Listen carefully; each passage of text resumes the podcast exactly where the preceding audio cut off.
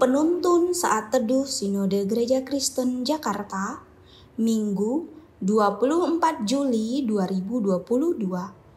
Judul renungan, Penolong yang Pasti.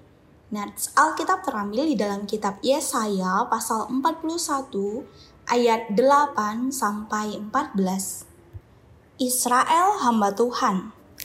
Tetapi engkau, hai Israel hambaku, hai Yakub yang telah kupilih, keturunan Abraham yang kukasihi, engkau yang telah kuambil dari ujung-ujung bumi, dan yang telah kupanggil dari penjuru-penjurunya. Aku berkata kepadamu, engkau hambaku, aku telah memilih engkau dan tidak menolak engkau. Janganlah takut, sebab aku menyertai engkau. Janganlah bimbang, sebab aku ini Allahmu. Aku akan meneguhkan, bahkan akan menolong engkau. Aku akan memegang engkau dengan tangan kananku yang membawa kemenangan. Sesungguhnya, semua orang yang bangkit amarahnya terhadap engkau akan mendapat malu dan kena noda Orang-orang yang membantah engkau akan seperti tidak ada dan akan binasa. Engkau akan mencari orang-orang yang berkelahi dengan engkau, tetapi tidak akan menemui mereka. Orang-orang yang berperang melawan engkau akan seperti tidak ada dan hampa. Sebab aku ini Tuhan Allahmu, memegang tangan kananmu dan berkata kepadamu, Janganlah takut, akulah yang menolong engkau. Janganlah takut, hai si cacing Yakub, hai si ulat Israel. Akulah yang menolong engkau, demikianlah firman Tuhan. Dan yang menebus engkau ialah yang Maha Kudus, Allah Israel.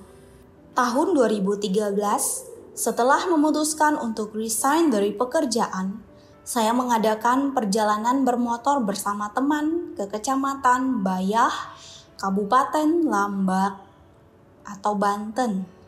Kami tidak mengambil rute di jalur utama untuk menuju ke sana, sehingga berbagai sensasi dalam perjalanan sangatlah terasa. Apalagi kala itu matahari sudah terbenam. Sungguhan tanjakan turunan bahkan tikungan dengan kontur jalanan yang belum pernah kami lewati menuntut kewaspadaan ekstra karena jika tidak juranglah tempatnya. Sama halnya dengan kehidupan manusia. Momen perjalanan bermotor itu mengingatkan saya bahwa perjalanan hidup pun disuguhi dengan berbagai dinamika di dalamnya. Namun, akan jadi dan berakhir seperti apa bergantung kepada siapa seseorang itu menaruh harapan dan percayanya. Pasca pengasingan dan kehancuran bait Allah, situasi bangsa Israel kala itu sangatlah mencekam. Mereka takut bahwa hal itu terjadi karena Allah telah menolak mereka. Sehingga bangsa Israel menjadi sangat putus asa. Namun, di tengah situasi yang kalut, kehadiran Nabi Yesaya memberi harapan. Firman Tuhan ia sampaikan untuk mengingatkan bahwa Allah yang telah memilih Israel sebagai milik kepunyaannya. Akan tetapi, bersama dengan umat yang dipilihnya, Allah memberikan jaminan yang pasti bahwa pertolongannya nyata, penyertaannya sempurna, dan janjinya akan tergenapi.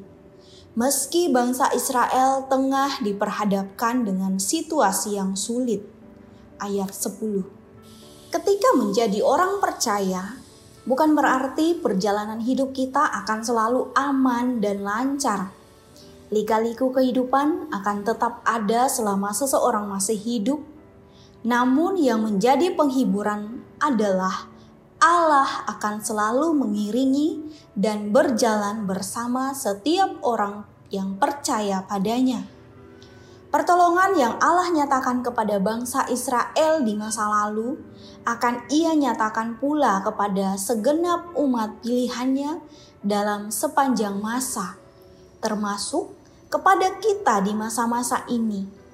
Janjinya sungguh meneguhkan iman kita bahwa Allah selalu menemani perjalanan hidup ini bagai mentari yang pasti bersinar Begitu pula pertolongan Allah yang pasti bagi setiap umat pilihannya. Apa pun keadaan kita, percayalah, pertolongan Tuhan adalah pasti bagi umat pilihannya. Amin. Terima kasih, Tuhan Yesus memberkati.